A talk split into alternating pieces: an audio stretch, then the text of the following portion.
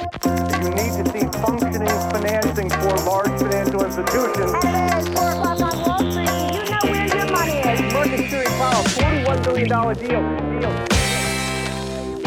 Jag befinner ju mig fortsatt i Almedalen och som jag sa här tidigare, vad vore Almedalen utan lite bonusepisoder? Och det är just precis det jag fortsätter med. Idag har jag med mig en norrman.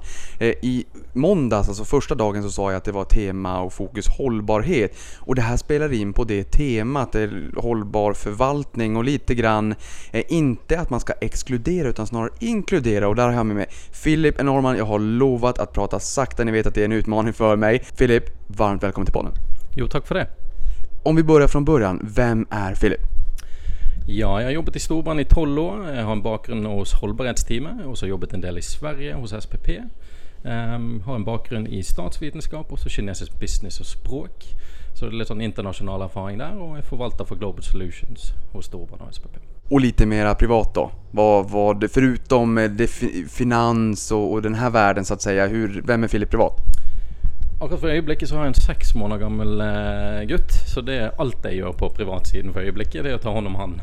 Jag förstår själv, jag har en dotter på 13 månader, jag vet precis vad du menar. Det här med hållbarhet är någonting som är intressant och än mer intressant egentligen igår när det var, för mig i alla fall här i Almedalen, det är 4400 seminarier någonstans, men för mig vart det mycket hållbarhet och det här är ju någonting som är på allas läppar. Men jag tycker att det är lite utmanande för många att förstå. Det är ett brett begrepp, men som när jag går in på matvaruaffären, det är utsmärkning och det är svan och det är krav. Men jag har svårt att ta till mig vad det egentligen betyder för någonting. Vad är hållbarhet för dig och hur påverkar det i din vardag? Jag tror från ett kapitalförvaltningsperspektiv så handlar det om att ta bättre investeringsbeslutningar.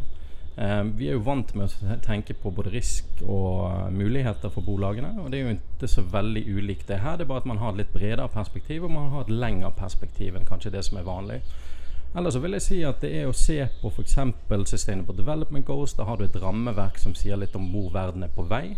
Det är 190 plus land som är involverade och har sagt att det är här världen ska gå.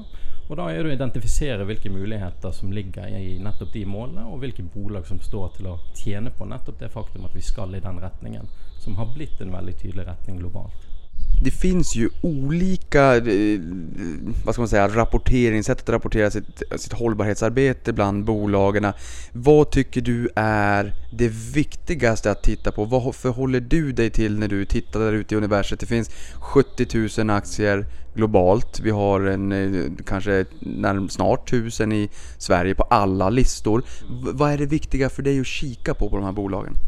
Nu är det många olika aspekter som är viktiga, men du kan si spesifikt från mitt perspektiv så är jag opptatt av att finne eh, bolag som har produkter och tjänster som faktiskt är med och löser globala utmaningar. Det är det som ska in i fondet och det är det som är i fondet idag.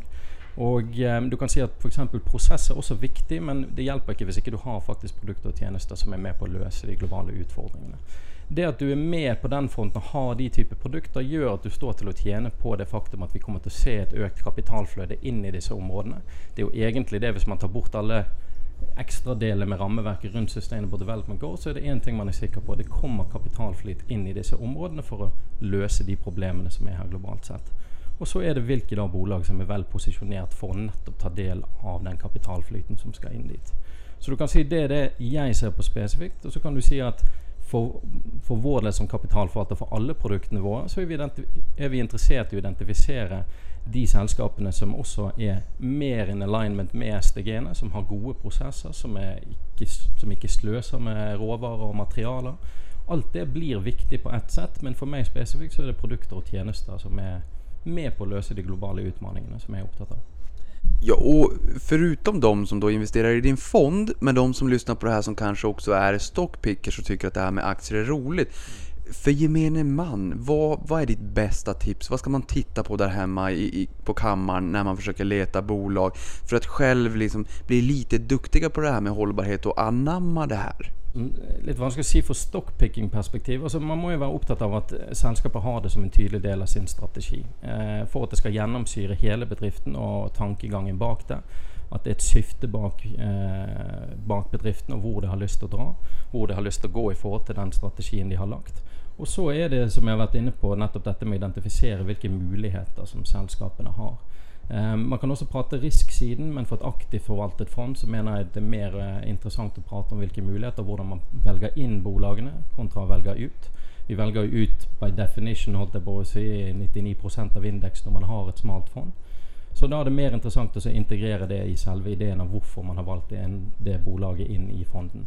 Og da går det på nettopp dette som jeg sier, altså strategien. Hvilken vei er de på vei? Hvorfor har de valgt den retningen de har gjort? Og har de produkter og tjenester som kan faktisk være med på å løse det? For det er der kapitalflyten kommer til å være. Någonting som, jag, jag, som gör att jag tycker att det här är väldigt spännande och fångade mitt stockpicker-hjärta om jag så får säga så. och Varför jag också tycker att det är väldigt intressant att eh, få lyssna till dig här. Det är just det här med att man inte väljer bort. Det kan vara eh, pornografi och tobak och alkohol och narkotika. Det med cannabis är ju en marknad som har exploderat på senare tid. Ehm, du väljer ju snarare in. Du är ju alltså en stockpicker får man ju säga. Där, där du vill hitta de här bolagen som du är inne på gör någonting bra för världen och för miljön och som har en strukturell tillväxt får man ju faktiskt säga. Och någonting som jag har lärt mig på senare tid det är ju den politiska dimensionen och att det både finns hot och möjligheter. Hot om det blir politiska förändringar och även möjligheter. Vi har Parisavtalet exempelvis. Eh, berätta mer om, om fonden och investeringsfilosofin och just det här med att inkludera snarare än exkludera. Du har varit in på det men eh, utveckla. Och så Hvis du tar for deg de 17 globala målen som vi är enige om ska skal nås, ehm, så kan man gå lite i detaljene på de och identifiera noen nøkkeltemaer. Eh, för for å være veldig tydelig, Hvis man ser på f.eks. er det mål 7 og 13 som egentlig handler om klima og energi, så har vi identifisert at de playene vi har lyst til å ha med, det er solar, Window grid. Og det er jo fordi at en, det er nasjonalstøtte veldig mange steder rundt om i verden for å bygge ut capacity på disse områdene. Eh, Prisutvecklingen prisutviklingen er bra. Vi ser det at sol og vind kommer til å bli, og er allerede, konkurrerbart med mer tradisjonelle former for energi. Så det er ingen tvil om at det segmentet kommer til å vokse, mens de andre kommer til å bli mindre. Eller holde seg stabil, som er tilfellet i, i hydro. Så når du har en litt sånn, kall det en triangel, og, og du har liksom nasjonal støtte, du har play som du vet kommer til å hjelpe hverandre, og det er ikke slik at solar og wind konkurrerer mot hverandre, det er snarare snarere tvert imot, at de er kom- komplementære. Og samtidig, att du, samtidig for å få de utbygget, så må du ha med deg utvikling på grid-siden også. Så man leter etter komplementære områder som er spesifikt innlemmet i dette systemet som er Sustainable Development Goals, og så er det hvilke bolag som står til å tjene på dette på et bra sett. En annen eksempel på dette er jo Man prater veldig mye om plastikk i dag. är något Plastikk er noe vi er opptatt av som sjønasjoner, tror jeg, både Norge og Sverige. Så er det noe som ligger veldig nært oss når det kommer til forsøpling av hav. Og et av de spillene vi har tatt inn, er jo et norsk bolag som heter Tomra. Og de leverer egentlig avfallssortering og panteløsninger. Og for å vise liksom knytningen til det materielle i dette altså Hvis du ser på aksjen de siste seks månedene, så har aksjen gått to ganger har den gått virkelig hardt. Og det var på bakgrunn av to nyheter. Den ene var UK vurderte å innføre pantemaskinsordning. Og da ser du med en gang at aksjen går over 5-10 om jeg husker riktig. Og igjen da når EU begynte å snakke om band of single use plastics, og også introdusere kanskje pantemaskiner litt bredere på kontinentet. Og da ser du hva som bor i enkelte av disse aksjene, for de har løsningene til identifiserte problemer som myndigheter er opptatt av, som vi som forbrukere er opptatt av, og også vi som liker å nyte holdt på å si, strandlivet, som ikke nødvendigvis vil ha alt det liggende rundt oss hele tiden. Og det antas jo at hvis vi fortsetter den utviklingen vi, vi ser i dag, så vil det være mer plastikk målt i vekt i havet enn det vil være fisk innen 2050. Og det er størrelsesorden på problemet, og da trenger vi bolag som har de løsningene. Det är otroligt intressant att höra dig prata om det här. Det är verkligen eh, fascinerande och det är inspirerande. Och jag menar, jag vet att många som lyssnar, du som lyssnar på den här podden, jag vet att du är en aktienörd. Eh, och, och det intressanta är att menar, det är ju inte, det är inte tråkiga bolag du väljer. Men man kan höra hållbarheten, men gör man inte av, av, avkall på det ena och det andra. Men Nibe, Tomra, Beijer Ref. Det här är ju spännande bolag. Och om de då har liksom branschen med sig i den här utvecklingen, att vi har bara en planet, än så länge åtminstone om inte Elon Musk får sin vilja igenom och Mars och allt det där. Men vi har en enda planet. Mm. Så att det medskicket vill jag verkligen göra. Det var just det som också fångade mitt intresse allra mest. Att det är, både, det är spännande bolag, de gör någonting bra för världen och det kommer att finnas en efterfrågan från deras produkter och tjänster vilket också kommer resultera i omsättning, marginaler och vinster vilket aktieägarna gillar. Så det blir liksom en win-win. Eh, men en annan grej, så här, jag vet att en av mina lyssnare eh, samlade på sig eh, sugrör. Vi har sett McDonalds ta bort sug, plastsugrör eh, och menade oh, jag gillar ju sugrören och han hamstrade på sig jättemycket. Sen, sen såg jag en, en annan grej också, det var att skogsindustrin som pratar om att vi har tagit fram ett substitut till vanliga plastflaskor. Jag menar du pratar om Tomra, UK, Kina, men UK liksom införa retursystem. Eh, Men hur ställer du dig till risken att skogsindustrin, för nu har du så att säga då investerat i Tomra, eh, om det kommer ett substitut som säger att vi tar bort plastflaskor helt och hållet. Det är klart att det här är ju utmanande för ditt bolag. Hur, hur ställer du dig till den risken? Så akkurat den risken, vi har faktisk med et bolag som heter UPM Minne, som er nettopp den type bolag som leter etter substitutter fra basically bioforestry etc. Så vi har faktisk et spill på det også, og det kommer jo inn på dette med responsible consumption. og Ideen er ikke bare å velge ett tema innenfor disse områdene, det er å velge diversifiserte temaer som man vet og håper kommer til å få gjennomslag. Um, så jeg vil si at man har dekket godt opp for den risken, og skulle det komme et sånt bolag, så hadde det vært aktuelt å investere mer i sånne typer bolag. Så da er det aktuelt å velge det inn. Og det er jo hele tiden det man sitter og vurderer. Man har valgt ut nå de fire temaene som vi har valgt, som er altså climate, responsible consumption, production, sustainable cities og empowerment. Det er de fire temaene som går igjen i mange ut av SDG-ene. Og det er ofte slik at når man velger fra én SDG, så dekker det også en annen, for det er overlapp mellom dem. Men hele tiden så går vurderingen da er det bedre bolag som leverer bedre løsninger på disse områdene. Er de aktuelle for å investere, så er, ligger de på en liste, och de följer vi godt med på. Någonting annat jag tänker på också det är, nu pratade jag om eh, Nibe, Tomra och BRF, det är ju Sverige, eh, det här är Global Solutions, det är ju en fond som är, eh, ja, namnet vittnar ju om att det är globalt i alla fall. Hur ser den geografiska mixen ut? Ja, så spørs det hvordan man måler om man tenker bare på liksom home country fra bolagene, eller hvor de faktisk opererer. Så dette er jo globale bolag som opererer over hele verden. Og En interessant case her er jo at det er veldig mye prat om equality eh, og inclusion, også her i Almedal denne uken. Og det som jeg har vært mer opptatt det er hvordan vi kommer dit. Så vi pratar ender ofte med å prate hvordan vi når litt sluttpunkt på equality og et sluttpunkt på inclusion. Så jeg har vært mer interessert i hvordan man når dit. Og da har vi nettopp inne på disse temaene. Og det som, som jeg har valgt som et play her, som jeg syns er interessant, som igjen jeg synes det kommer til å bli vekst, det er jo nettopp access til telekom som det første. Vi må forbedre telekomtjenester rundt om i verden. Via telekomtjänster så får du tilgang til healthcare, og du får tilgang til finans. Og det vet vi at skal vi få til mer inklusjon, så må vi få folk til å få tilgang til både helse og finans. Så det å finne de bolagene som opererer i disse segmentene, samt tilby det Vi vet at f.eks. India og Kina er de to største landene målt i antall mennesker som står utenfor både telekom, finans og helse. Så der er det et fantastisk markedsmulighet hvis man klarer å bre ut de tjenestene. Og det er de type bolag som vi har lyst til å ta med inn. Og vi har bolag som nettopp leverer i de markedene.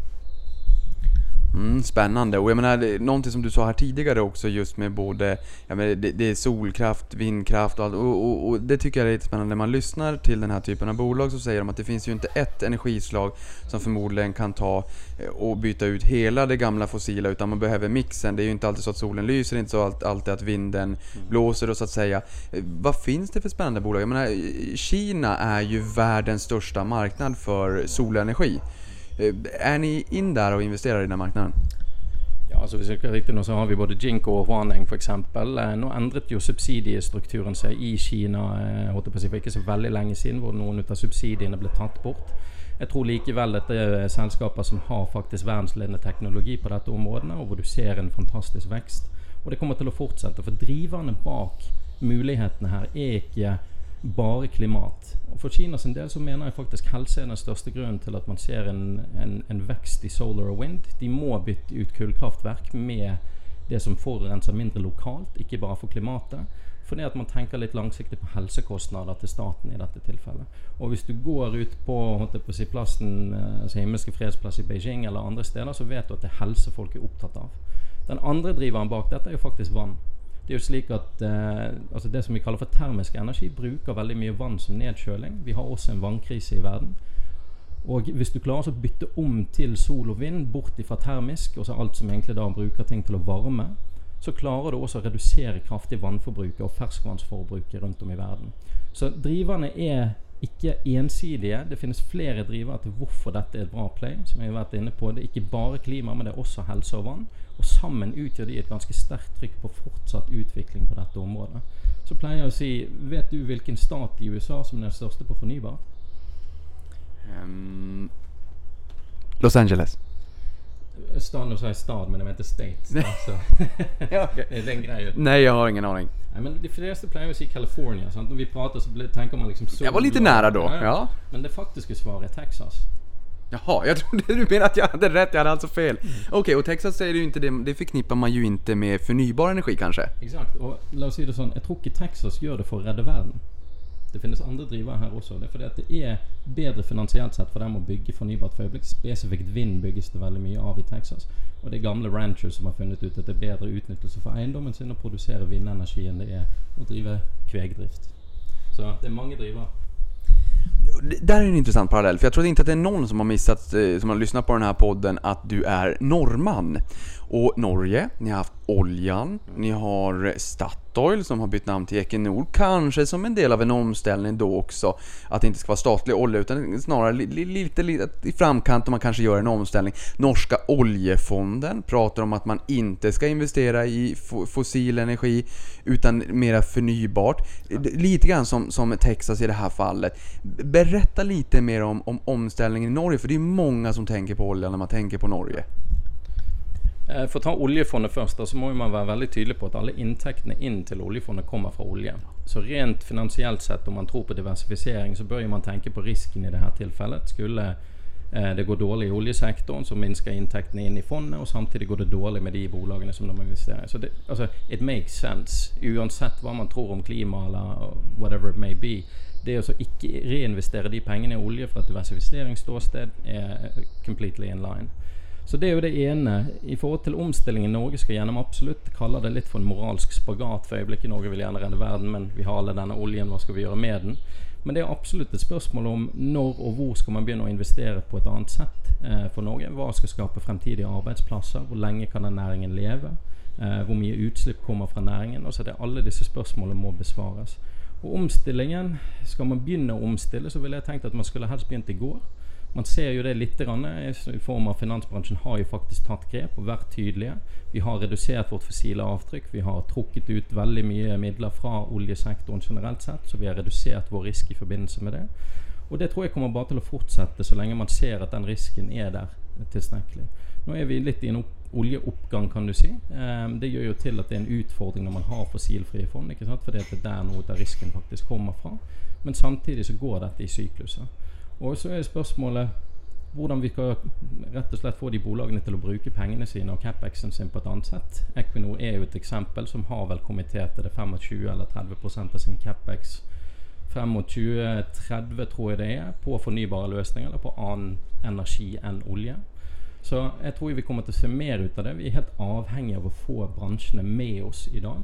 Det kan ikke bare være slik at eh, at vi står på barrikaden og sier det ene, og de sier det andre. Vi må faktisk få til en omstilling, og da må vi ha med oss disse bolagene. Og Man begynner å se tegn. Dong er jo et annet eksempel. ikke sant? Altså Det som heter nå Ørsta, altså Danish Oil and Gas Company, tidligere olje og gass. Nå er det vel nesten bare et fornybart selskap. Og du begynner å se noen av de tegnene ganske kraftig i den sektoren. Og det tror jeg er smart. Ja, Dong var ju eh, den absolut största noteringen i Danmark. Det var i fjol om jag inte missminner mig, tiden går så himla fort. Eh, men eh, är du ute och reser någonting och träffar bolag eller snarare att du träffar bolagen på hemmaplan? Ja, så Med den bakgrunden jag har nå, jeg er tolv år som hållbarhetsanalytiker med diverse andra stillinger imellom här, men, men det är klart att vi, vi har ju pratat med många bolag, och vi gör det hela tiden när vi är ute och reser och eh, vi träffar de i Oslo eller träffar de här i Sverige. Och det är klart Capex-bruken going forward det kommer till att bli ett större och større tema. Eh, hvordan man har tenkt å omstille seg til der man ser egentlig verden er på vei hen. Og det gjelder jo ikke bare olje- og gassektoren, det gjelder egentlig flere og flere sektorer som må tilpasse seg en ny hverdag, hvor dette er fremst på både investererne sine tunger og hoder, holdt jeg på å si, men også på konsumentene sin side. Vi ser jo etterspørsel etter produkter som både kan være substitutter, men også mer eh, ekodesign i produktene. Vi har jo varit här och pratat om AI och vilka möjligheter det ger oss. Eh, det kommer till att bli mycket mer prat om ekodesign going forward. Ehm, så, så är jo spørsmålet till alla bolagen. hvordan har de produkter och tjänster som de tänker kommer till att vara relevant, inte bara idag, men om fem, tio år fram i tid. Och ska man ha de produkterna så må man börja planlägga lång tid i förväg. Och det är jo ett veldig interessant case å begynne å se på. Hvem er det som har skjønt det? Hvem är det som tänker långsiktigt? Vilka bolag har begynt den omställningsprocessen? Ja, intressant. Och just det här med att fossil energi och den stocken som finns där ute är ju jättestor. Men när man tittar på tillväxten, nyinvesteringar i branschen, så har jag förstått att det är nästan dubbelt så hög tillväxt från förnybar energi. Kan ni få någon exponering, eller får ni någon exponering mot bolag som producerar och hjälper till med capex-cyklerna i bolagen för den här omställningen? Ja, du kan säga at de eh, fornybarselskapene vi er inne i, er jo nettopp de som er och bygger mer og mer infrastruktur. Og så er det litt sånn avhengig av hvilket land man er i, hvordan akkurat den infrastrukturen ser ut, og eierskapet, hvem som får lov til å eie og drifte osv. Alt det tas med i den vurderingen av de bolagene. Og så vil jo jeg si at Selv om det er en veldig stor takt i eh, investeringene i fornybart, så investeres jo det fortsatt i dag i nye kullkraftverk på verdensbasis. Og det kommer til å bli mer og mer fokus på hvem det er som finansierer dette, hvordan de bygges, hvem som bygger de. For utfordringen med de er jo det at det er jo ikke slik at de kommer til å bare være der fem år, ti år. De er jo beregnet på 30-40 års sykluser. Og så er jo spørsmålet til de som er med på å investere i dette, når er det faktisk de får pengene tilbake igjen?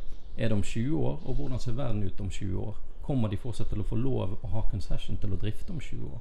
Der er jeg litt mer i tvil. Hur ser kalkylerna ut idag runt om i världen bland bolagen? För jag menar, jag har ju sett eh, internationell press som skriver att nu är det faktiskt mer lönsamt att investera i solenergi i förhållande till gammal kolkraft. Nu är det inte bara så att man ska dra det här strået och med fjädern i hatten och göra det rätta för miljö, klimat och det hållbara. Då kanske staten får gå i bräschen med statligt kapital. Nu, nu är det väl, om jag har förstått det hela rätt, även lönsamt på kalkylnivå när man sitter i sina Excel-dokument?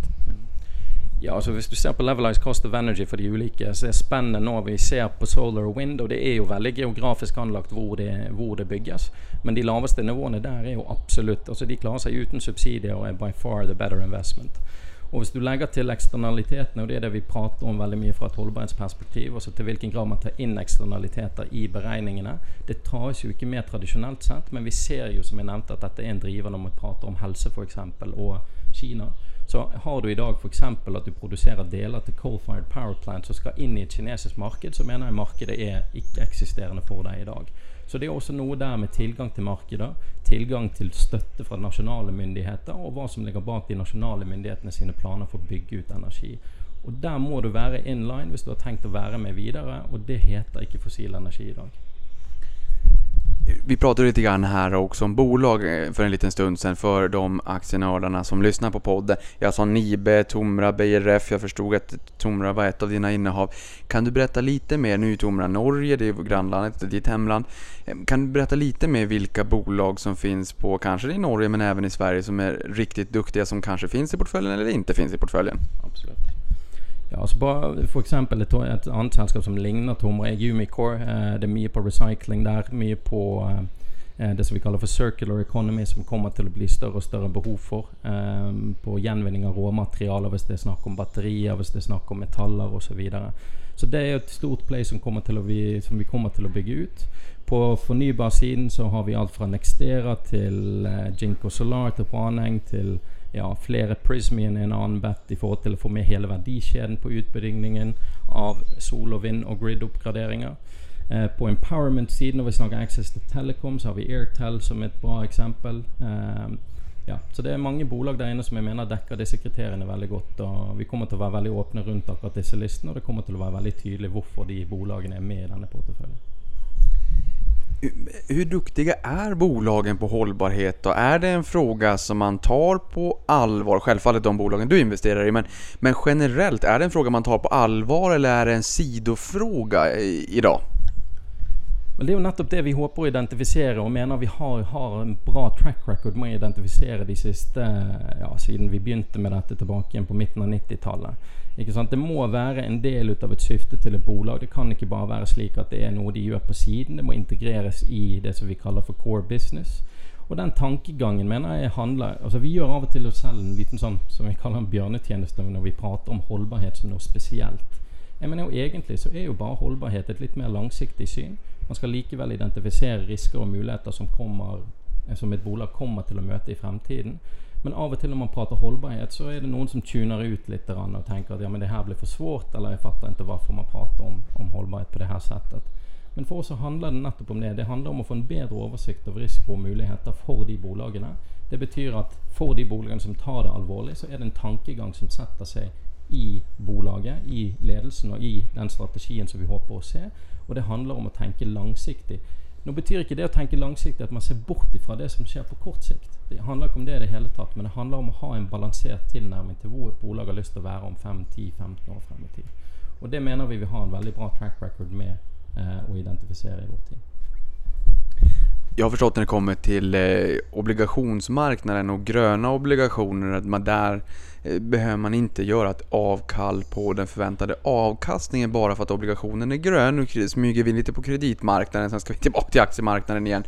Eh, när det kommer till bolag, jag menar vi har sett Telia exempelvis i Sverige och hur jobbigt det kan bli när man är ute i vissa mindre nogräknade länder och det blir liksom skandaler som, som faktiskt kostar reda pengar för aktieägarna. Så det här är ju inte någonting flummigt som en liten sidogrej med hållbarhet som du säger ibland, att folk kanske zoomar ut.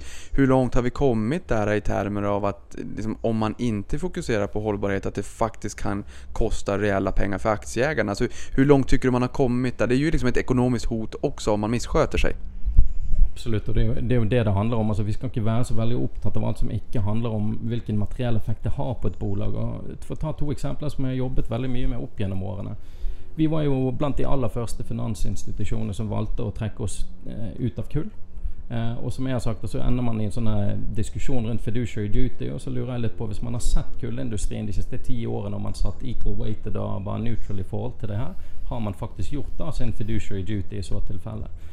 Og det ble jo litt også som vi tok opp med oljesandproblematikken. Vi trakk oss ut av oljesand også til en viss grad, og har sagt veldig tydelig at eh, dette var fra et økonomisk ståsted litt crazy i forhold til de kalkylene som vi så. Det var også det som var hovedmotivatoren inn. Break-even-kostnadene lå på over 100 dollar fatet generelt sett. Det var ikke transportmuligheter å få det ut. Det trader vel under Western Canadian Select, som også hadde en 20 dollar rebate til Brent. Och när man såg på total i det, så var det bara en dårlig businessidé. Punktum. Och så lägger man till ett hållbarhetsperspektiv som handlar om ja, karbonutsläpp, vilken effekt det har på områdena runt. Och det är ju klart att det var bara ett dåligt business case altogether. Och så säger jag, jag har inte funnit egentligen ett... Jag ska vara lite försiktig med att ge en utfordring, men, men alltså, i förhållande till de stora oil majorna, vem är det som är det som faktiskt har tjänat pengar på oljesand? Satt lite i reversen. Jag tror inte det är väldigt många. Stort sett så har det gått på nedskrivningar. Eh, de har ikke klart å få det til som de sa de hadde, ville få det til. Og det beviser jo også litt at dette skal gå hånd i hånd. Altså De økonomiske vurderingene, de finansielle vurderingene sammen med holdbarhet. Det er da det er sterkest, og da er det riktig å bruke det. Någonting som man på marknaden är lite orolig för det är ju också stranded assets. Och att det kanske det, det gamla eh, som, jag menar teknologiutvecklingen går ju fort idag. Förhoppningsvis går det, ska det väl gå ännu fortare i framtiden. Kan du ge något tips eller rekommendation till mina lyssnare för vart man ska vara lite försiktig, vilken typ av bolag, branscher där det finns en risk för stranded assets när man, jag menar, jag var här igår på ett seminarium, eh, SPP Storebrand och där man pratade om att olja eh, Ehm, där, det pratar man inte riktigt om längre för att det är nästan lite fult. Man vill inte skylta med att man investerar i olja. Finns det några bolag och branscher med det här legacyt och eh, där det finns en risk för stranded assets där man åtminstone ska vara lite vaksam? Alltså, den tydliga eksempelet på det er jo selvfølgelig kullindustrien, men den är jo litt oppbrukt um, ehm, i forhold til at det er velkjent, mener jeg, i dag. Um, hvis man ser på oljesand, så mener jeg også det står i fare på, for å bli en stranded asset på veldig mange måter. ikke sant? Du har den fysiske strandingen også i forhold til at det bygges ikke ut infrastruktur for å faktisk få det ut av det området det produseres. Så det er jo en form for stranding, det også. Og skal man snakke om hva som eventuelt står fare for å bli regulatorisk stranded på den måten. Og her er jo vi inne på større prosjekter som handler om fossil energi, som har en levetid, en forventet levetid på kanskje 30-40 år. Får de lov til å fortsette med det? Og jeg tror jo en av de oppvåkningsøyeblikkene vi kommer til å få Så nå kommer det vel nye IPCC-rapporter om, ja, om et halvår, halvår kanskje. Og en av de tingene vi har tatt opp, er at i forhold til veldig mange av disse scenarioene som vi bruker for å modellere frem i tid, så er det en veldig stor over-reliance på det som heter bioenergy carbon capture and storage. Tar man det ut av kalkylen så ser man att man må veldig mye fortere ned i karbonutslipp for å nå Parisavtalet enn det vi egentlig tror i dag. Blir det en liten oppvåkning og realitetsorientering rundt akkurat dette området, så kommer dette med stranded assets igjen til å skyte veldig stor fart. Og Da tror jeg vi kommer til å ha noen ordentlige diskusjoner rundt enkelte av disse bolagene som produserer om det er olje og gass i dag, og til hvilken grad de er diversifisert nok til å håndtere det, og til hvilken grad de må avvikle én business og gå inn i en annen business.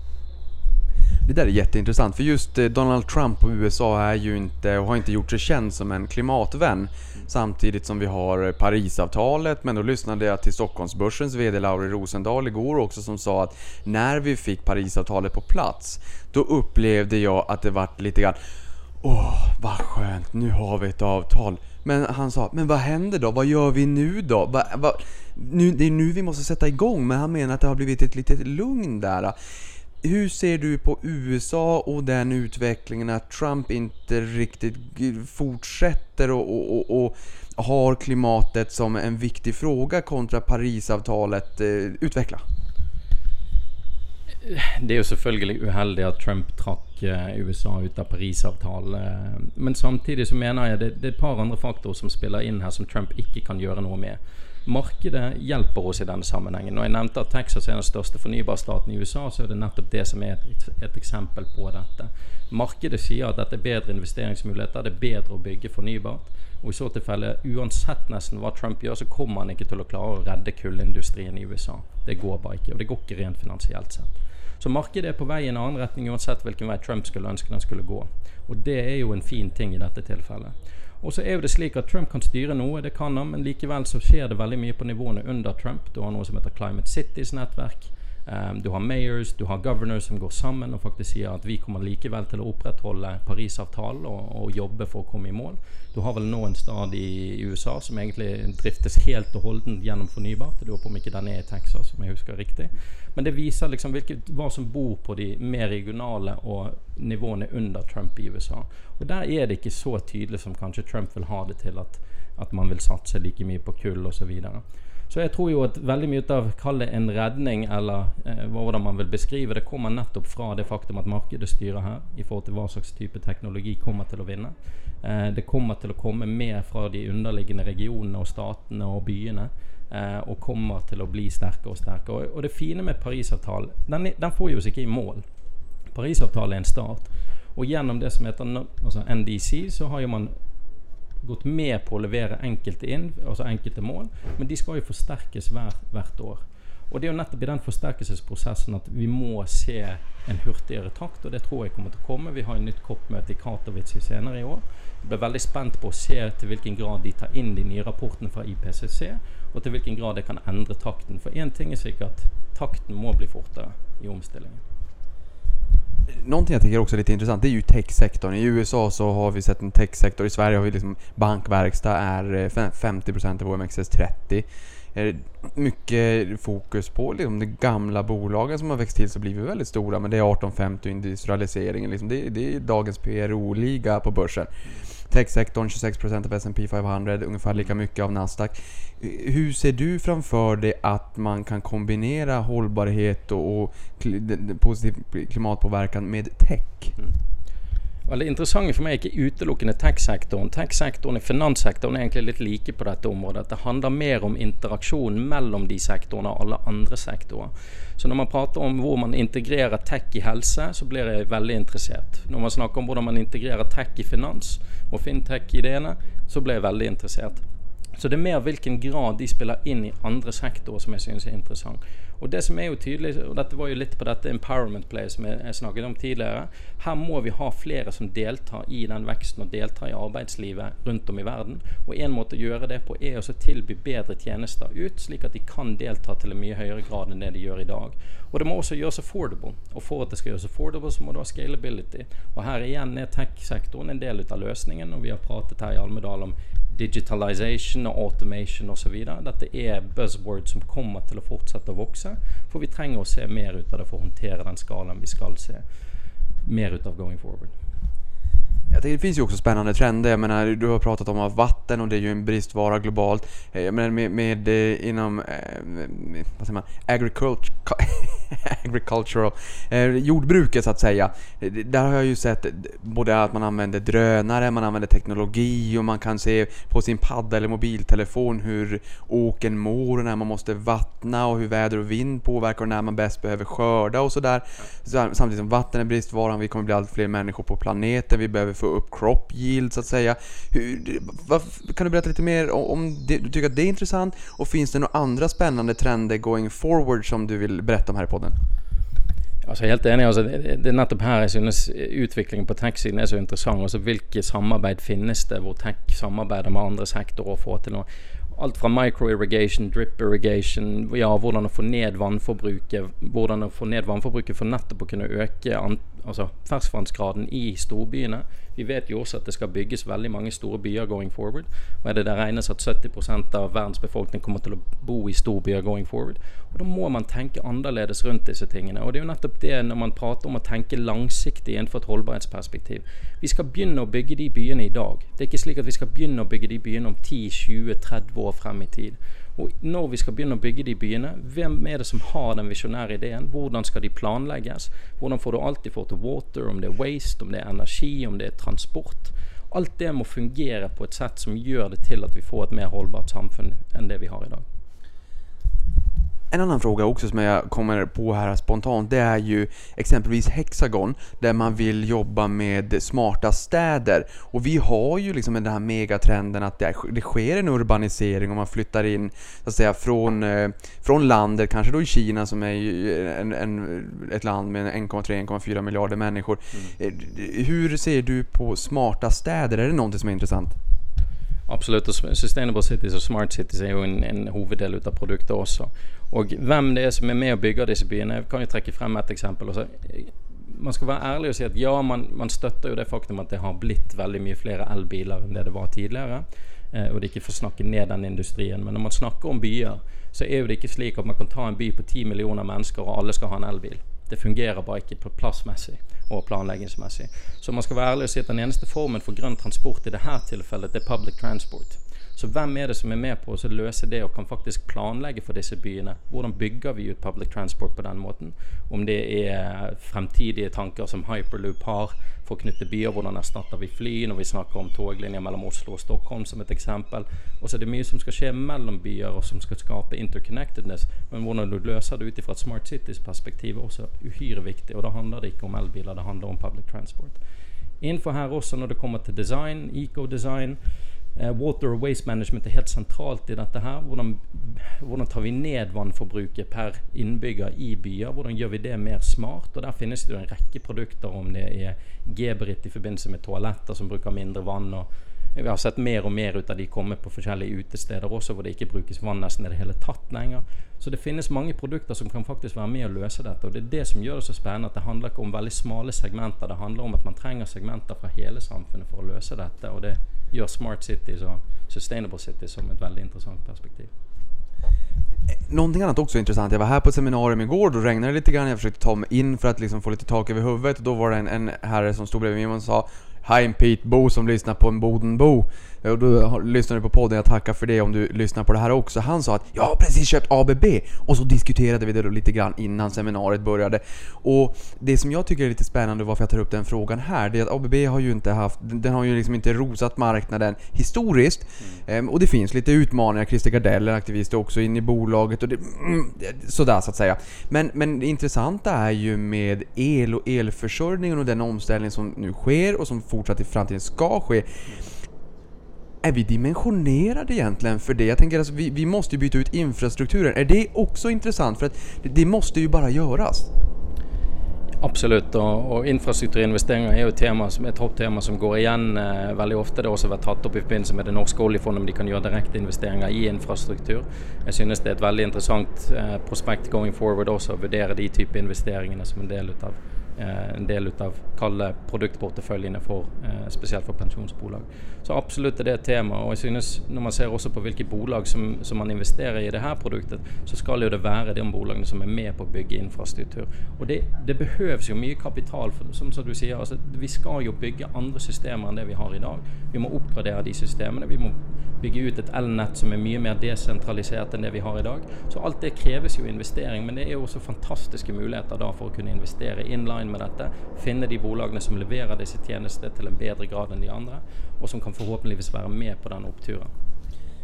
Sista frågan då, förutom de bolagen som har tjänster eller produkter som faktiskt förbättrar det där med hållbarhet och för världen, klimatet. Vilka andra faktorer, förutom när du har liksom bockat av de bockarna, vilka andra faktorer tycker du är viktiga när du gör en eh, screening bland bolagen? Och jag tänker ju själv att omsättning och marginaler och vinster, utdelning, price to book eller vad det alltså, Vilka nyckeltal tycker du är viktiga? Jeg sitter jo rett med en kvantgjeng som leverer masse nøkkeltall på akkurat dette her. Og, og som vi sier, Vi har ikke noen hard constraints på det. Vi, vi har et samarbeid mellom kvantgjenget og holdbarhetsgjenget på akkurat disse faktorene. Ehm, vi ser selvfølgelig også på enkelte kvantfaktorer som momentum. Vi vil ikke nødvendigvis ha bolag som er på vei en helt annen plass enn det vi er interessert av. Så det er absolutt er det feed-in fra veldig mange av miljøene i front office på dette her, i kapitalforvaltning. Og det er nettopp det som jeg mener er noe av styrken i produktet. At vi kan på en måte bruke både et velkjent holdbarhetsteam som har jobbet med disse eh, spørsmålene over lang tid, og også en kvantteam som leverer blant de beste kvantproduktene i verden. Filip, stort tack för att du gästade podden och gjorde oss lite klokare kring hållbarhet. Det har varit superintressant. Tack så du ha.